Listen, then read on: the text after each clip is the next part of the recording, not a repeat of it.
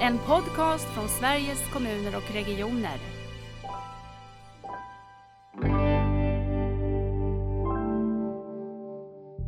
Och det här samskapandet när man känner att wow, titta nu, nu, nu, nu funkar det, nu har vi löst det här tillsammans och vi skapar nytta.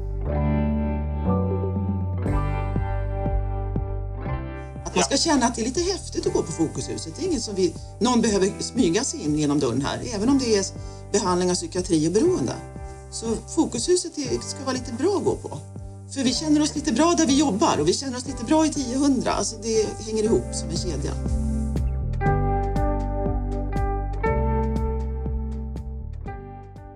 Eh, idag i Nära vårdpodden får vi träffa Isabella Andersson och Peter Graf. Eh, de arbetar ju på 1000 i Norrtälje som är en spännande verksamhet som sticker ut på många sätt i Vårdsverige.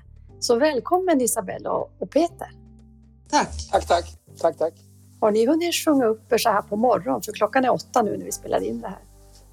Jodå. Inte riktigt. Men då får vi hjälpas åt. Isabella har hunnit. Har du haft något möte redan kanske? Nej, men jag har haft en härlig hundpromenad så att jag är uppsjungen med dem. Ja, vad härligt. Men vi börjar där. Isabella, berätta eh, för oss, vem är du? Jag heter Isabelle Andersson och jag är enhetschef för en ganska ung enhet inom 1000 som heter Fokushuset för psykiatri och beroende. Jag har ju jobbat i hela mitt yrkesverksamma liv i princip med frågor kring samverkan eh, när det riskeras att hamna mellan stolarna. Jag har jobbat inom socialtjänsten på alla poster där som går att ha. Eh, från utredare, behandlare, enhetschef och socialchef. Och sen har jag jobbat med forskning och utveckling kring de här samverkansfrågorna i samsjuklighet och så. Jag är väldigt intresserad av mellanrummen eh, så att vi inte hamnar däremellan. Jag jobbar ganska mycket med ledarskap också, haft ledarskapsutbildningar under ett, några år och eh, har jobbat här på 1000 sedan eh, 2017. Mm. Så började i augusti och i september så öppnade dörrarna för Fokushuset. Det, det går fort här. Det är gick fort. Ja. Du, en, en mellanrumsarbetare som också har hund. Hundar, ja. Hundar. Precis. Mm, Det har blivit lite tema nu på de sista poddarna. Vad har du för raser? Ja, men det Eller ras. berättar jag gärna. Jag har en border collie och en tjodsky pes. Och då undrar alla vad det är det visste jag inte. Nej, det är en liten tjeckisk vallhund. Ser ut som en schäfer. Lite mindre långhårig schäfer. Mm. Jag har hållit på med hundar och hästar och djur i hela mitt liv och jag ser samma sak där. Det handlar om relation. Det handlar om att bygga relation och samarbete. Så det är inte så stor skillnad egentligen med, med jobbet och hemma och djuren. Nej. Vad intressant. Det där är spännande. Och tänker ledarskap och vad vi kan lära av mycket i vår eh, fritid också. Verkligen. Tack Isabelle. Har du hund Peter? Ja, absolut. Två hundar. Aha. Väldigt många medarbetare i 1000 har, har faktiskt hästar och hundar och alla möjliga. I och med att det är också lite glesbygd i Norrtälje, fantastisk miljö där man faktiskt har möjlighet också att, att vara nära nat- naturen. Det är en otroligt härlig, härlig skär, och skärgård och vatten. Och, nej, det är en underbar miljö. Så att, eh, vi har två hundar, labradorer, två labradorer. Två labradorer. Men Peter, vem är du? Du är känd för många, men eh, berätta ändå, vad har du för roll där på 1000 och berätta mer om det härliga Norrtälje och ditt Ja. liv. Jag, jag är VD då för vårdbolaget 1000 i Norrtälje. Jag kan kort bara berätta att det är ett unikt bolag i Sverige. Att vi har egentligen all verksamhet integrerad eh, i- samma företag, i samma bolag. Och precis som Isabelle var inne på, det handlar ju om att det är kloka politiker som har tänkt till. Hur, få, hur sluter vi de här gapen mellan just hälso och sjukvården och den kommunala omsorgen? Så i 1000 så finns det då om man tänker på regionsidan eller landstingssidan så har vi Norrtälje sjukhus, vi har sex vårdcentraler, vi har psykiatri. Och så på den kommunala omsorgssidan så har vi äldreboenden, tio stycken äldreboenden, vi har hemtjänst, personlig assistans, LSS-verksamhet. Och, och min ambition så att säga som högst ansvarig då, då det, det, det, är ju att vi, vi möts och det handlar mycket på ledningsnivå då, att vi möts och integrerar de här viktiga, viktiga verksamheterna så att det inte blir att patienter, kunder, brukare faller mellan stolarna. Och det, det är en oerhört spännande arbete där, där vi har många, många idag goda exempel på hur vi har lyckats och hitta.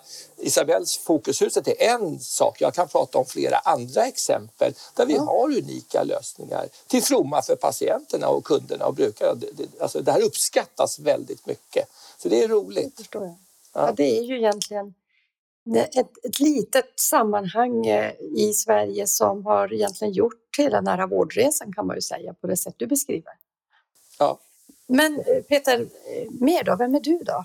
Bakom vd-rollen? Ja, jag ju, professionellt då så är jag läkare och, och har jobbat i hälso och sjukvården just egentligen hela mitt liv. Eh, som läkare gjort en vanlig sån läkarkarriär och forskat och disputerat och, och, haft doktorander och brinner ju mycket för utvecklingsarbete och sånt här och det har jag tagit med mig till 1000 såklart. Det tror jag är oerhört viktigt att, att ha att, att, vi försöker beforska och, och, utvärdera det vi gör och det är vi ganska bra på. Och sen har jag varit chef på olika Astrid Lindgrens barnsjukhus, jag har varit VD för Danderyds sjukhus och även privat i Aleris ett tag. Men sen så är jag också en familje, familjemänniska. Jag har en stor familj, fem barn och två hundar som sagt. Och, mm. och det, där får jag min energi. Underbart att få, få ihop få ihop det. Det, det, är, ingen så, det är inte så himla stor skillnad att, ha en familj med fem barn och två hundar mot att vara, på, vara i 1000 faktiskt. Jag, tycka. jag håller med, jag har fyra barn. Jag, det är något som går. Stora familjer med djur. Ja, ja, men det hänger ihop lite grann av hur, hur vi ser på, på hur vi ska och samverka i ord. Tänk om vi skulle börja lite där kring det här med ledarskap och leda i mellanrum. Mm. För ni är inne på det båda två. Mm, mm. Vad, eh, för jag har mycket tänkt att vi har ju byggt väldigt mycket av våra strukturer både i samhället och i vården på att man har sin enhet, man har sin gräns. Ja, man, ja. Eh, men vad, vad präglar ert ledarskap både i 1000 i stort och som ledare för Fokushuset? Börja Peter och berätta lite grann. Mm. Vad, vad tänker du är de nycklarna i ledarskapet för? Nej, men jag, jag har varit ledare i 25 år, eller någon chef och ledare. Och, och, och, jag menar intuitivt på något vis så är min ingång alltid att om vi hjälps åt, om jag hjälper någon, då är eh, chansen stor att jag får hjälp tillbaka. Och, och det här samskapandet när man känner att wow, titta nu, nu, nu, nu funkar det, nu har vi löst det här tillsammans och vi skapar nytta för dem vi är här, för patienter, brukare, kunder. Vi utgår alltid från patientens individuella behov så att säga. Mm. Det, det, ger ju en otrolig tillfredsställelse. Så det har alltid varit mitt signum så att säga och jag vet att många, Isabelle och många, många andra tycker också att det är roligt att jobba. Vi pratar mycket arbetsmiljö och hur vi har det. Är vi schyssta med varandra, vi har en sund värdegrund. Vi pratar mycket om hur vi är med varandra.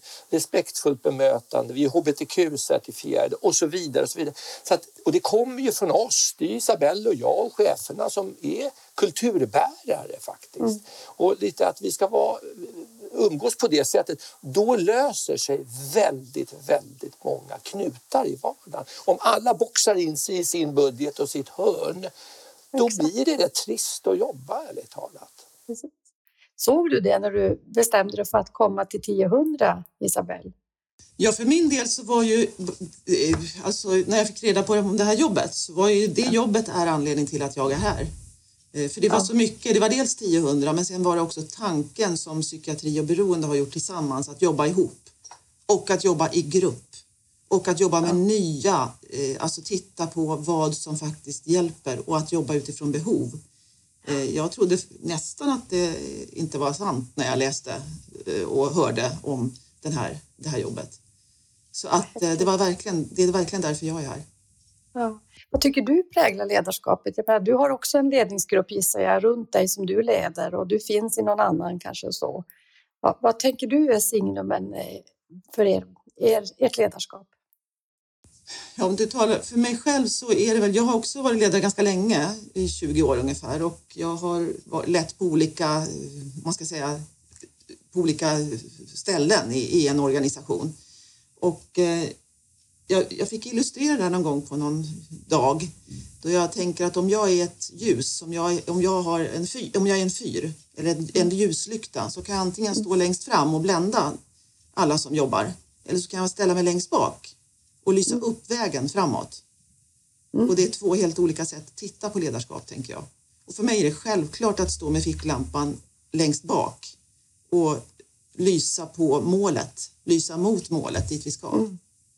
Och så, Vilken så, fin liknelse. Ja, ja, jättebra. Jag tycker att den, den kändes... Jag kom på det där en, en, natt. Jag brukar komma på saker på nätterna. Och det blir så talande för det som jag tycker är och som jag också kanske strider för ganska mycket. För jag vet Peter, jag är inte så lätt att...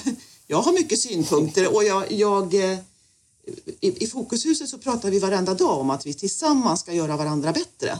Så det är väldigt mycket synpunkter, mycket samtal, det är mycket närvaro. Vi är 50 stycken, ett ganska stort gäng som, som känner att vi bidrar också när det inte blir rätt. Och, alltså härliga samtal. Mm. Så ge Jag tänker på det, någon som sa så här, man ska verkligen fundera. Är gruppen till för ledaren eller ledaren till för gruppen? Ja, precis. Och då tänker jag på din, din fyr, det är ju verkligen att lysa upp för gruppen. Ja. Men det är helt olika sätt att se på och man blir ju helt olika typer av ledare på det sättet. Verkligen, det ena bländar i ögonen och ja. gör att man måste gå på, åt det ställe som, som den här ledaren säger och det andra ger ju förutsättningar till att pröva. Vi ska mot det här målet men, jag, men hur vi ska komma dit, det hjälps vi åt med. Eh, är det lätt att hitta de här ledarna som vill då? Vad är era erfarenheter?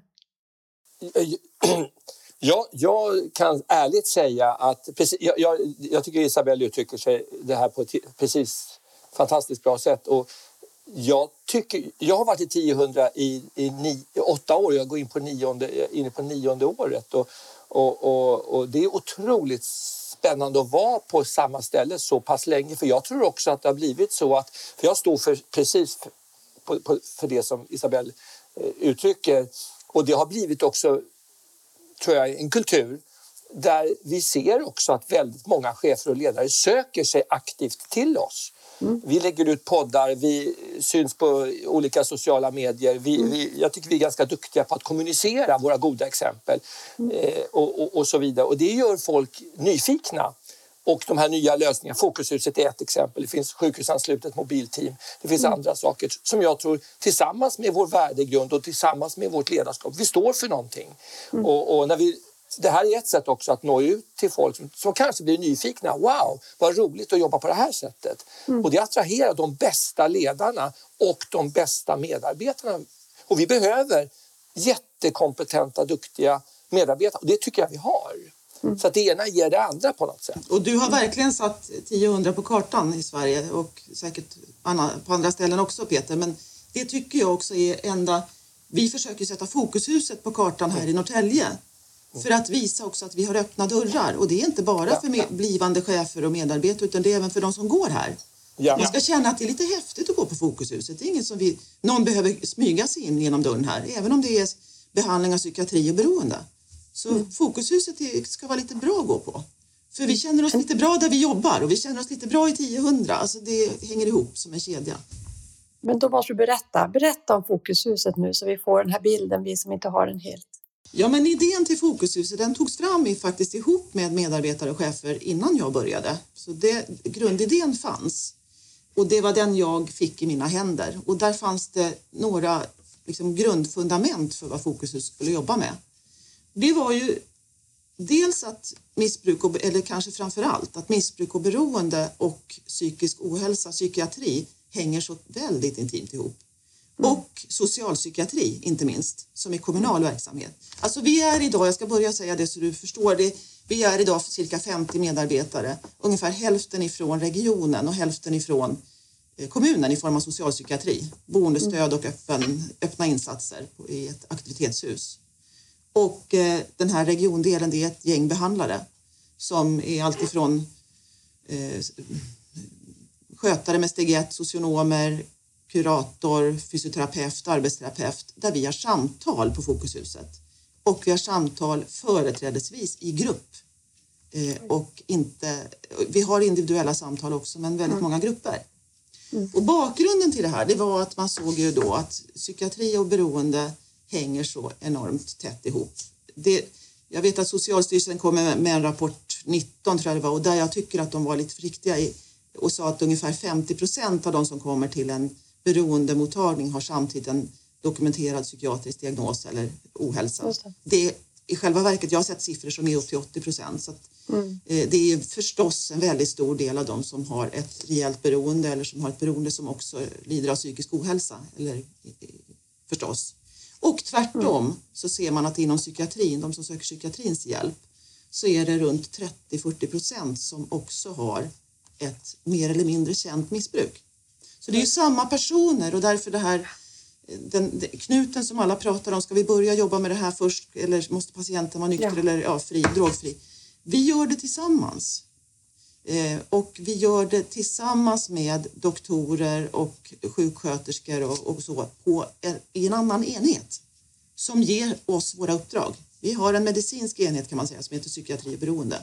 Den ger Fokushuset sina uppdrag och de uppdragen är behovsinriktade och målinriktade. Och vi ska jobba utifrån de uppdragen. Så vi har hela tiden en, en medicinsk liksom, uppföljning men vi jobbar väldigt fritt i Fokushuset.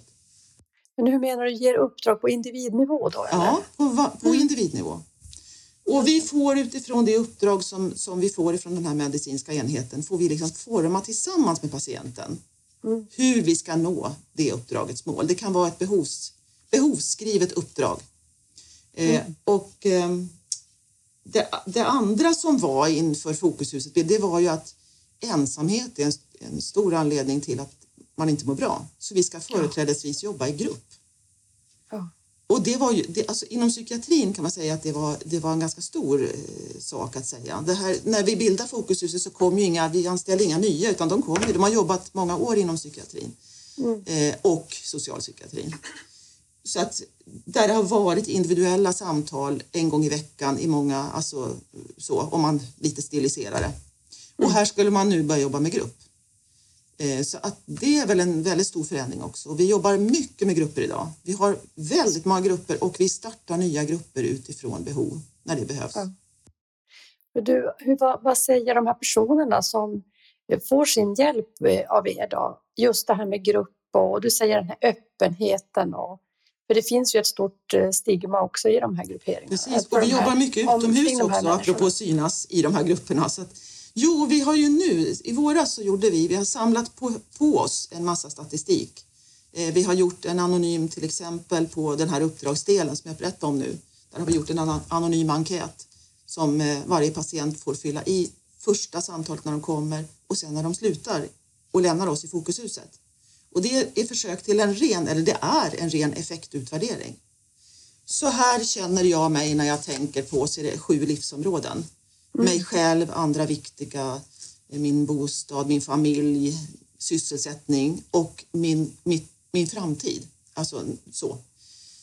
Eh, och eh, när vi sammanställde de här rapporterna i våras så hade vi 480 stycken som svarade på den där in. Sen hade vi hälften ungefär ut. Det blir alltid så att man tappar på ut i alla såna här effektstudier. Men vi kunde, det är en extern forskare som har tittat på det här och som kunde konstatera att det finns en signifikant skillnad på alla de här livsområdena.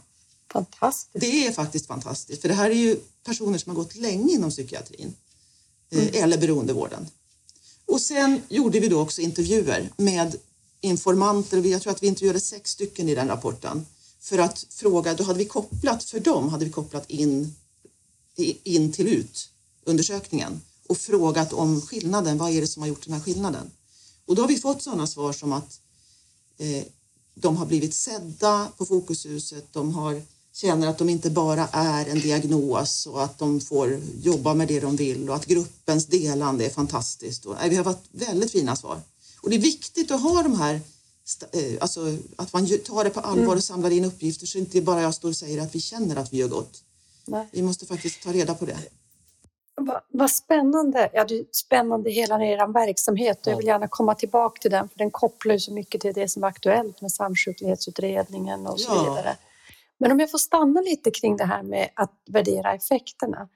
så tycker jag att det är ju det, eh, när jag nu får förmånen ska säga, att brottas med de här nära vårdfrågorna eh, så mycket som jag får, så tycker jag att det svåra är ju ändå att, att verkligen hitta de sätten att mäta det här personcentrerade, de nya arbetssättens verkliga påverkan på våra verksamheter. Så det låter så otroligt viktigt att ni gör det här och att ni gör det på det sättet med de här eh, väldigt tydliga på något sätt, värderingsfrågorna till de här personerna. Ja. Så det tänker jag, om man tar det stort, både till Peter och till både dig Peter och Isabella, har ni eh, jobbat mycket med hur ni ska utvärdera er verksamhet eller kämpar ni också med att hitta de där sätten att, att kunna visa resultaten på och inte bara känna? Peter? Vad? Absolut. Jag satt igår eftermiddag senast i ett forsknings-FoU-möte, innovations-FoU. Vi har det en gång i månaden och då har vi våran FoU, Helena Wittfeldt, FoU, eh, eller innovations alltså, hon som leder den enheten och hon är superkompetent och så vidare. Då satt vi just precis och diskuterade, eh, för vi vill alltid i den mån vi kan och där har vi ju kompetens. Jag själv är docent och har forskat och vi har mm. flera andra duktiga, namnkunniga som kan stötta eh, och vi, Isabelle, har ju pratat om hur, hur, kan vi utvärdera Fokushuset? För det är viktigt att vi gör. Och, jätte, och du har ju fått stöd också från duktigt folk så att, det här, så, så att det här blir rätt. Och inte minst i omsorgen, så, utan att ha någon värdering så har man ju inte den traditionen ärligt talat. Jag kan säga för min del, ja, som har jobbat i omsorgen i så många år, alltså, eller omsorgen, vård och omsorg ska jag säga, mm. så har det varit en, jag har, jag har hållit på med det här jämt. Mm. Alltså jag har varit mm. jätteintresserad av att hitta effekter och jag vet ja. hur svårt det är. Jag vet ja. hur, hur man kämpar med det, få, och få isär vad är effekt och hur mäter vi effekt i de här mjuka ja. Inriktningarna. Alltså, till, vad är det som till, gör att en människa mår bättre? Ja. Till exempel, till exempel Isabella, att jag, eh, vi pratade igår, för nu startar vi ett nytt LSS-boende i mm. hamnen i Norrtälje som är också ett unikt samarbete som verksamheten själva har identifierat, alltså svårt sjuka eh, med kognitiva utmaningar, verkligen tio stycken. Och då är det ett samarbete mellan LSS, habilitering och psykiatri. Och då satt vi igår och diskuterade på det här forskningsmötet, ja, men, för du startar upp nu och de första kunderna eller patienterna, brukarna kommer dit nu. Och hur kan vi utvärdera det? Och då kom det upp just Isabella, att kan vi inte använda Gunnar, du vet, på, inom psykiatrin ja. som är så dukt, erfaren och duktig. Han sa på en gång att men vi kanske kan använda precis det utvärderingssättet som du har gjort på Fokushuset kanske vi kan mm. ha i den här nya verksamheten så att vi lär oss och ser vad vi gör. Och det tyckte folk var spännande och Helena ska ta det vidare. Så att det är så vi jobbar hela tiden, att se mm. hur vi kan göra för att, och vi försöker i den mån vi kan, att inte bara starta upp saker utan också eh, hitta sätt att utvärdera. Det är otroligt viktigt för oss. För det vi ser också när man tittar med lite med breda blicken eller stora penseldragen. Så att om vi fortsätter att bara mäta de produktionsmått vi traditionellt har mätt, då fångar vi inte det som du är ute efter, säger Isabelle eller du Peter heller. Jag tänker det som egentligen är det som är värdeskapande i våra verksamheter tappar vi ju lätt. Vi får ju en inifrån blick. Och det, när man gör sådana rena effektmätningar så kan det ju vara så att de går cirka ett år på Fokushuset kan man säga, de här, som går på den här uppdragsdelen där vi gör den här utvärderingen.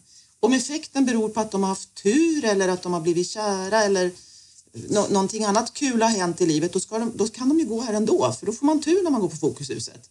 Alltså det säger ju ingenting om vad vi har gjort just den. Där måste vi gräva djupare och det gör vi också. Men att vi ja. överhuvudtaget kan få de här, den här vinden som blåser åt rätt håll. Hade den blåst åt andra hållet då hade vi stängt på samma dag. Och så hade vi funderat på vad är det vi gör, vad är det vi måste ändra, vi gör inte rätt.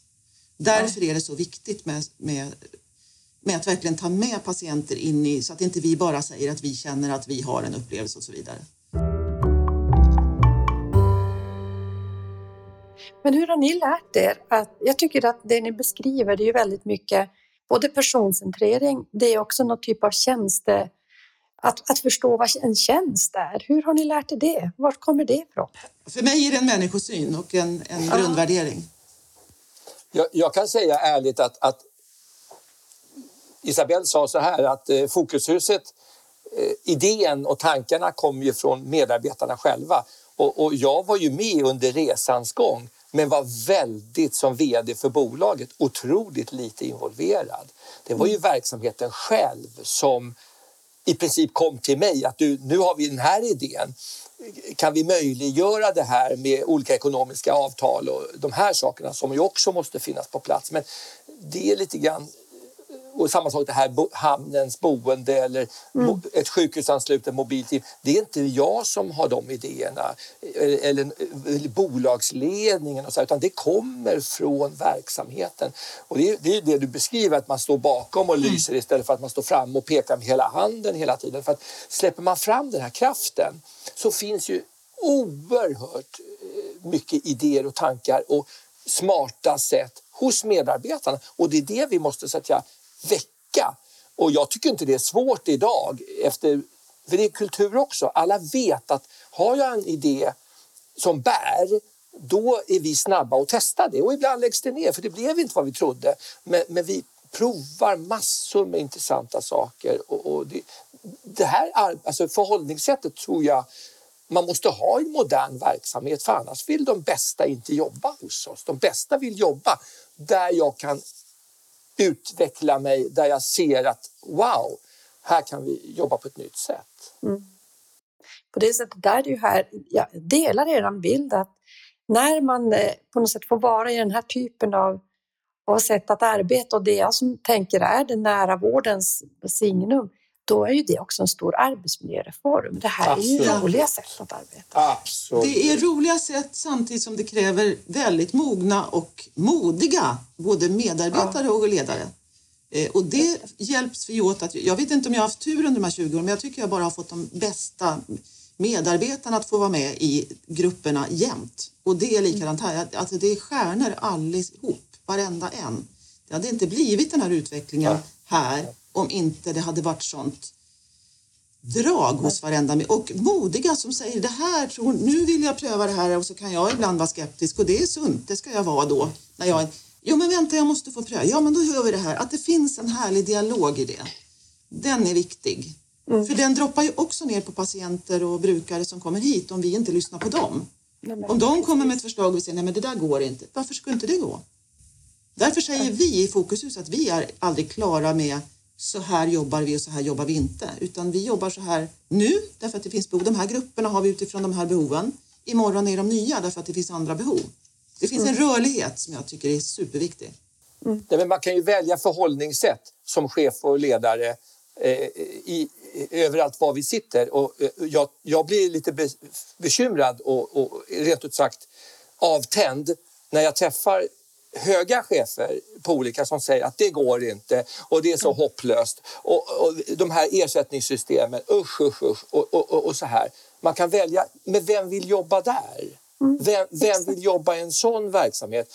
Medan jag tycker vi alla försöker se möj möjligheter hela tiden. Sen ibland är det jättetufft och vi får inte de ersättningar som vi tycker att vi måste ha. Eller vad, och då hittar vi andra vägar och numera har vi också fantastiskt bra samarbete med våra ägare. Det är viktigt att säga. Kommunalförbundet för sjukvård och omsorg eh, i Norrtälje, det, det samarbetet är idag ett helt annat och det bygger också på förtroende där, där vi får just prova nya saker och också får ersättning för Fokushuset eller sjukhusanslutna mobila teamet. Och så För annars går det ju faktiskt inte. Om vi Nej. inte får det gehöret eh, så, så, så, vi måste ha en ekonomi som ändå går runt. Men, mm. men, så att det är hela tiden en utveckling på alla nivåer. Mm. Och, och jag lägger mycket tid på att säga, hörni, prova det här.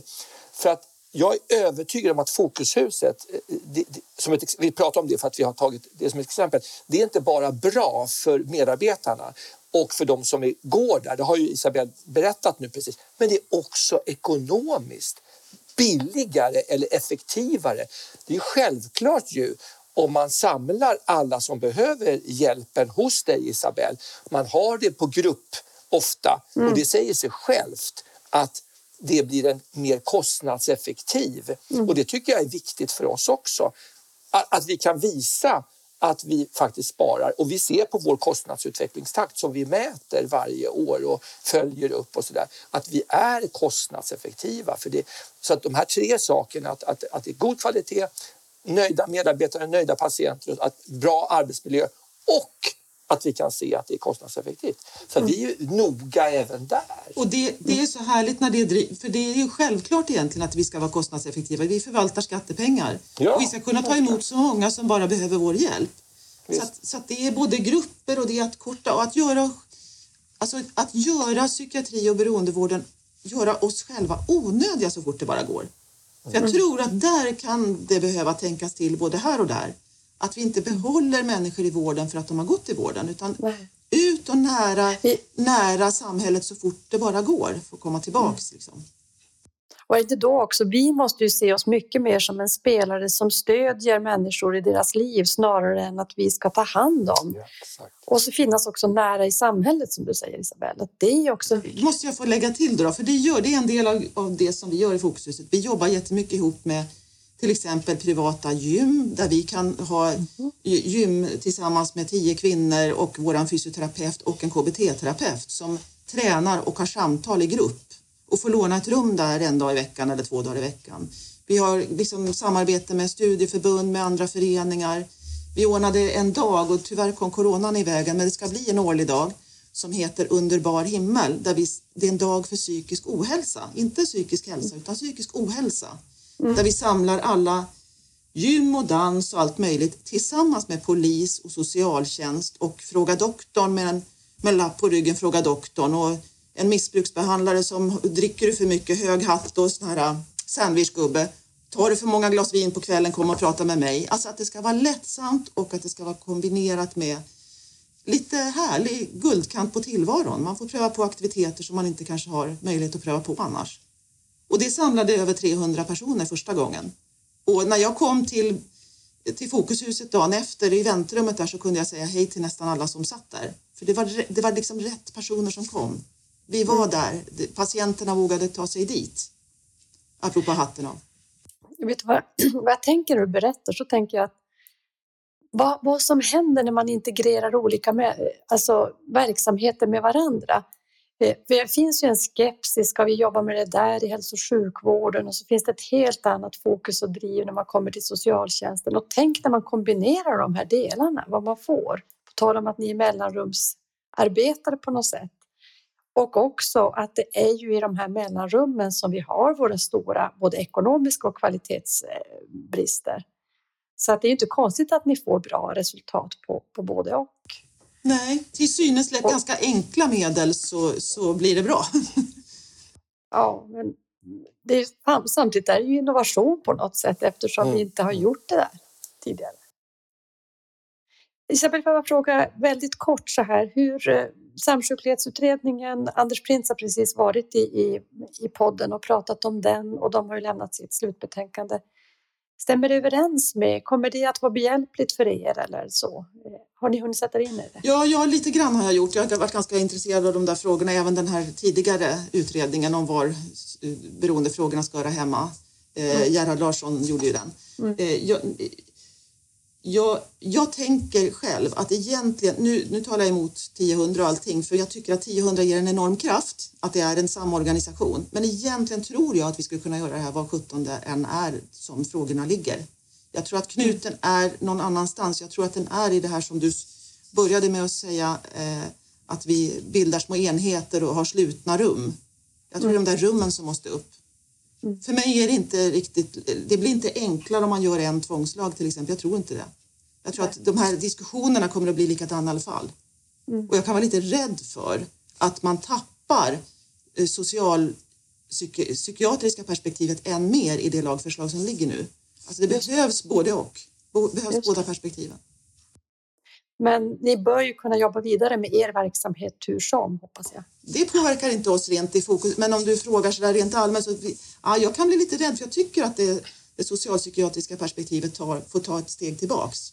Okay. I den. Det, Intressant. Att det blir medicinskt eh, liksom, inriktat enbart. Vi, vi, vi behöver de här två perspektiven. De behöver brottas med varandra.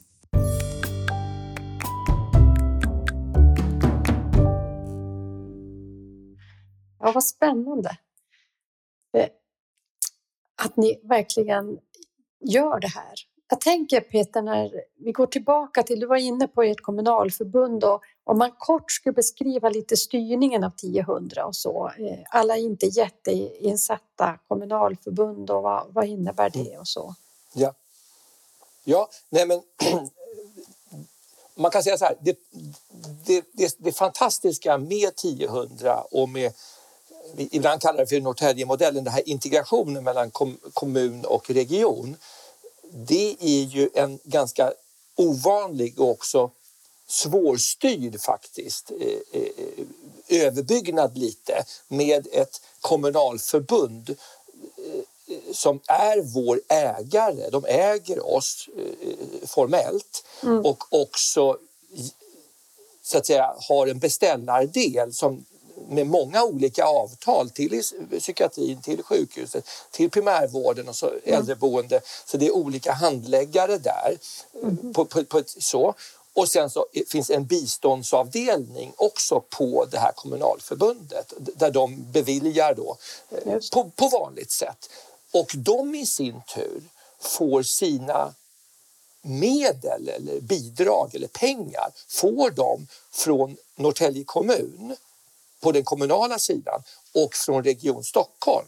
Mm. Så att, och de, de, de, den så att säga, unika juridiska uppbyggnaden har tagit många, många år att mejsla ut. Mm.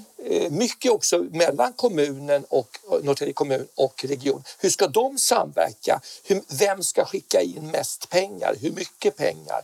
Får, får vi rätt resurser? Hela det här. Men, men, så att det har varit en resa som, som återigen modiga politiker 2006 startade det här 1000.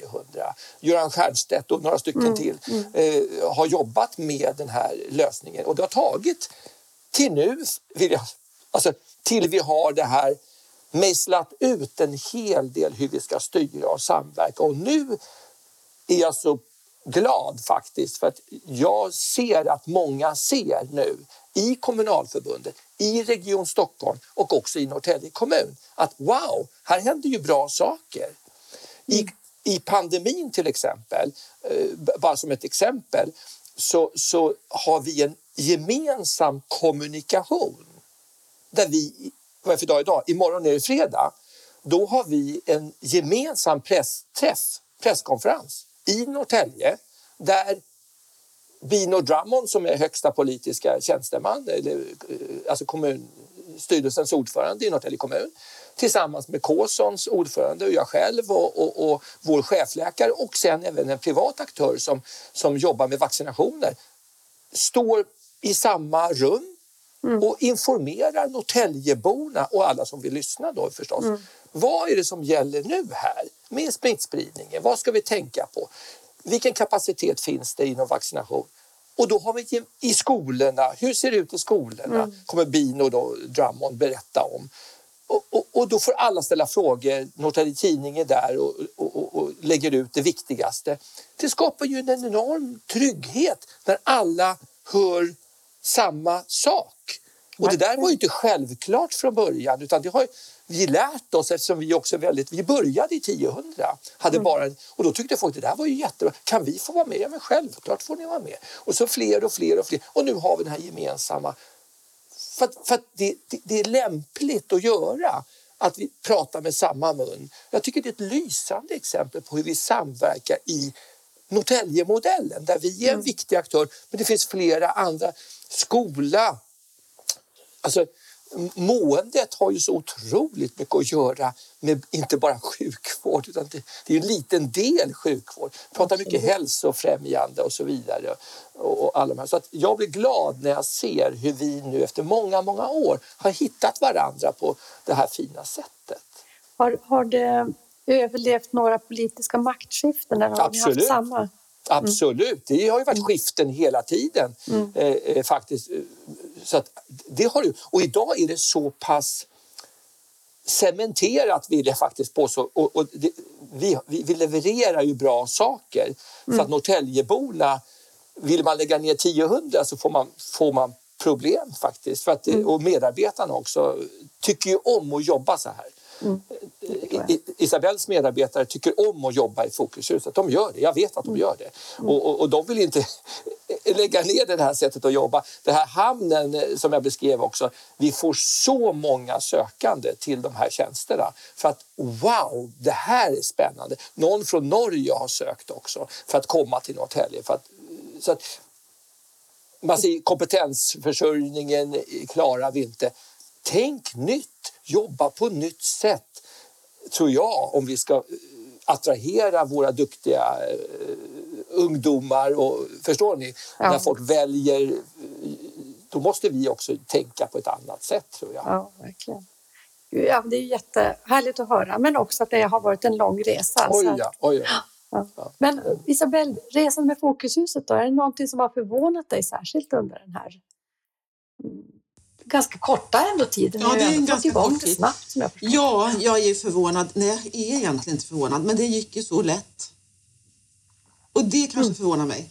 Alltså det, är, och det, det, kan jag också bli lite imponerad av för det är väldigt duktiga medarbetare som har jobbat väldigt många år med hög mm. kompetens inom det som de har gjort.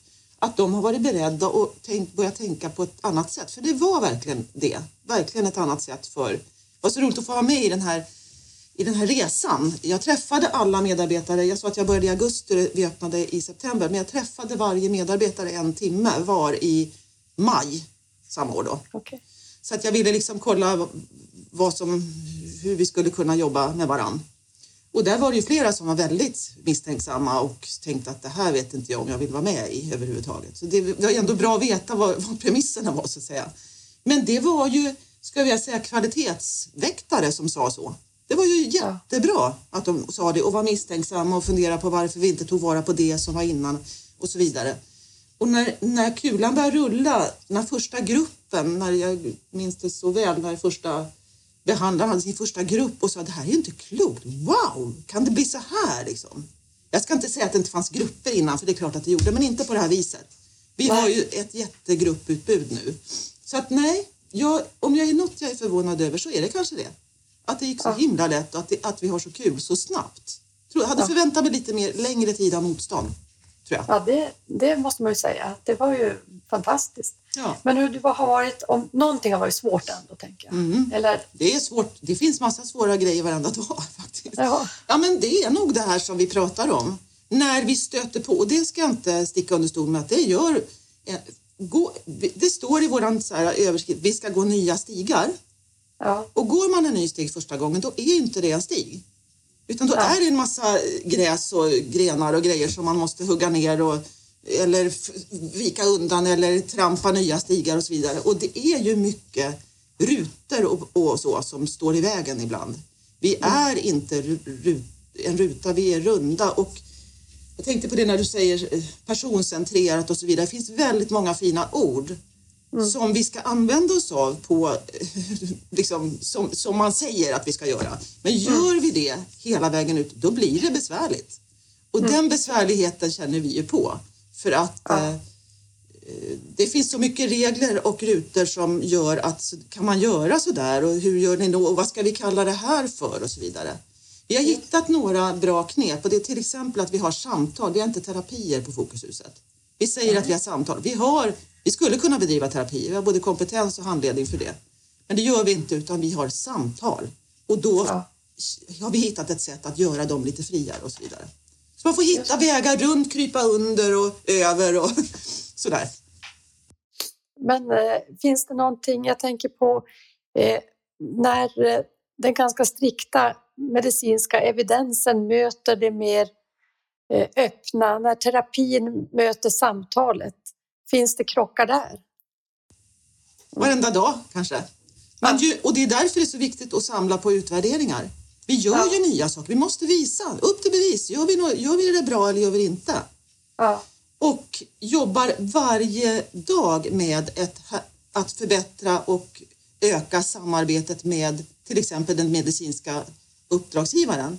Jag skulle vilja ja. säga efter fem år så är den ju bättre än någonsin. Alltså det blir bara bättre och bättre, men den är inte framme än. Det finns massor med svårigheter. Men, men man blir kanske aldrig framme som nej, du sa tidigare? hoppas jag att vi inte blir. Nej, precis. Eh, Peter, när, när sover du dåligt? När tycker du att det här är svårt och trassligt och vad handlar det om då? Det handlar om när, när, när jag känner att vissa kanske ibland nya politiker eller tjänstemän, eller som, för det händer ju att, att det kommer in som inte riktigt förstår det här sättet att jobba. Jag tror man måste vara en, en, en lite rundare person istället för att vara den här fyrkantiga mm. inboxande personen. De ekonomiska styrmedlen ställer verkligen till det på många håll i vårt land. Mm. Eller hur? Det här är mitt mm. uppdrag. Jag har min budget. Jag mm. tänker inte göra någonting mer än precis det här. Och ser man det på det sättet, då blir det inte något fokushus. Då blir det inte något mobilteam. Då blir det inte samarbete, samverkan. Då åker inte IVA-chefen ut till vårt äldreboende på pandemin med skyddsutrustning när de behöver hjälp, när de fick in smitta. För att då, det, är inte, det är inte deras uppdrag. Men vi har ju vår värdegrund där vi ska skapa trygg, vi har tre, delaktighet, trygghet och respekt. Och det mm. pratar jag och vi väldigt, vi ska leva det. Mm. Och, och, det skapar en trygghet när vi hjälps åt. När jag behöver hjälp så får jag hjälp. När Isabelle behöver hjälp så försöker vi på alla sätt hjälpa till. Och, och det är ett annat synsätt och det är det som skapar kraften. Men ibland då när vissa både i Norrtälje kommun och, och, och, och, i regionen sätter käppar i hjulet om ni vill. Då måste man ha tålamod och då måste man så att säga, hmm, mm. hur ska jag liksom baxa mig runt det här?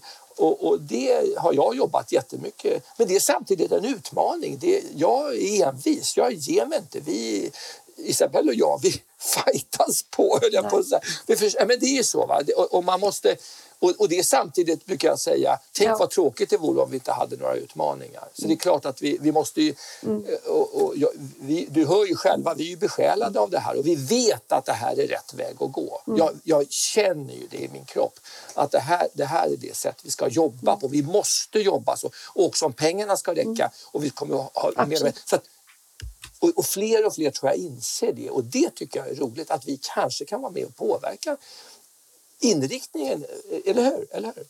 Nej, men jag tänker, när jag lyssnar på er så är ni verkligen nummer fyra. Jag känner att eh, man känner ju er övertygelse. Och mm. jag tänker vi ska börja avrunda. Eh, men jag tror att det här eh, samtalet kommer att väcka jättestort intresse hos många. Går det att få tag i er om man nu vill vända sig och fråga lite mer om alla verksamheter som 1000 har eller man vill veta men hur fick du till det där på Fokushuset eller hur går det egentligen? Var hittar man, var hittar man er? Det är bara att ringa. Säg du. Säg du. Jag kan börja. Jag kan börja. Eh, eh, vi finns ju överallt. Vi finns på sociala medier och det är bara att gå in och klicka. Eh, följ oss på Facebook, följ oss på Instagram, följ oss på LinkedIn, följ oss på Twitter. Finns överallt och lägger ut mycket där. Och vi har 1000-podden mm. som jag vill slå. Gå in på Spotify och så klickar ni på 1000-podden så har vi 20 minuters samtal och där ligger nu fem, sex avsnitt och bland annat Isabelle berättar om Fokushuset, jag berättar om övergripande och det finns flera andra nu jättefina där man kan faktiskt gå in och lyssna. 20 minuters eh, poddar. Så det finns många sätt. Men annars finns vi på mejl och sånt här såklart. Och det är bara att höra av sig. Mm. Jättekul. Jag tänkte säga ungefär samma Peter och, och mejla och ringa går jättebra också. Så det, det är jättekul att få lite frågor. Jag har ju fått forsk, från några FoU i Sverige som hörde av sig efter rapporten och ja. ville höra lite grann om hur jag, vi har gjort. Det är bara jätteroligt. Ja, men vad roligt. Ja. Och jag tänker väl det att vi är ju i en stor omställning av, av svensk eh, vård och omsorg och ja. eh, då behöver vi ju alla bidra med att berätta våra berättelser. Det Absolut. tycker jag vi har både en glädje av men också en skyldighet mm. att göra så att det känns ju jätteroligt. Jag vill avsluta med att fråga vad, vad ordet nära betyder för er. Vem vill börja? Isabelle. Okej. Okay. Nära för mig det är att eh, ett möte, jag tänker på möta, eh, mötas. Jag tänker på rörlighet, att man behöver kunna gå nära för att kunna förstå men också kunna vara rörlig i mötet så att det blir ett, ett öms, en ömsesidighet. Då kommer det nära. Det behöver inte vara med ord. Det kan vara på andra sätt. Det kan vara ordlöst. Eh, men det är, det är nära för mig. Och det är något ord som jag har jobbat med ganska mycket. Jag är intresserad av närhet. Nära. Mm. Tack. Peter? Nära är, tycker jag, att vi utgår från patienten, brukaren, kundens behov och att jag som patient när jag behöver hjälp, stöd, vad det nu kan vara, känner att det är väldigt lätt. Antingen då i mitt eget hem till och med. Det är ju, tycker jag, vi har ju vårt sjukhusanslutna mobila team där man mm. åker hem till mig som multisjuk eller med hjärtsvikt och så vidare så jag får det stöd och den trygghet i mitt hem eller via min mobiltelefon att jag lätt kan gå in och få de uppgifter som jag och, och det stöd. Att, det, att, att motståndet att komma in i vår fantastiska... Alltså att det är för långt tycker jag. Vi ska inte skicka kuvert med, med, med frimärken till varandra som vi gör. Vi måste sluta med det och, och istället vara tillgängliga på ett helt annat när jag behöver det. Eh, och ibland kan det gå månader där jag inte behöver stöd och då ska det också vara bra på det sättet. Så, att, så att jag tror vi måste vara mycket, mycket, mycket mer i fas med dem vi är till för. Och det är vi delvis, men vi har i Sverige en lång, lång, lång resa kvar. Vem är till för vem egentligen? Det är för mig nära. Vi är här för patienten och, och, och vara flexibla för alla olika behov. Och det är vi inte riktigt fullt ut tycker jag, ännu. En stort tack att ni ville vara med i Nära vårdpodden. Tack så mycket. Tack. Tack för att vi fick vara med. Tack.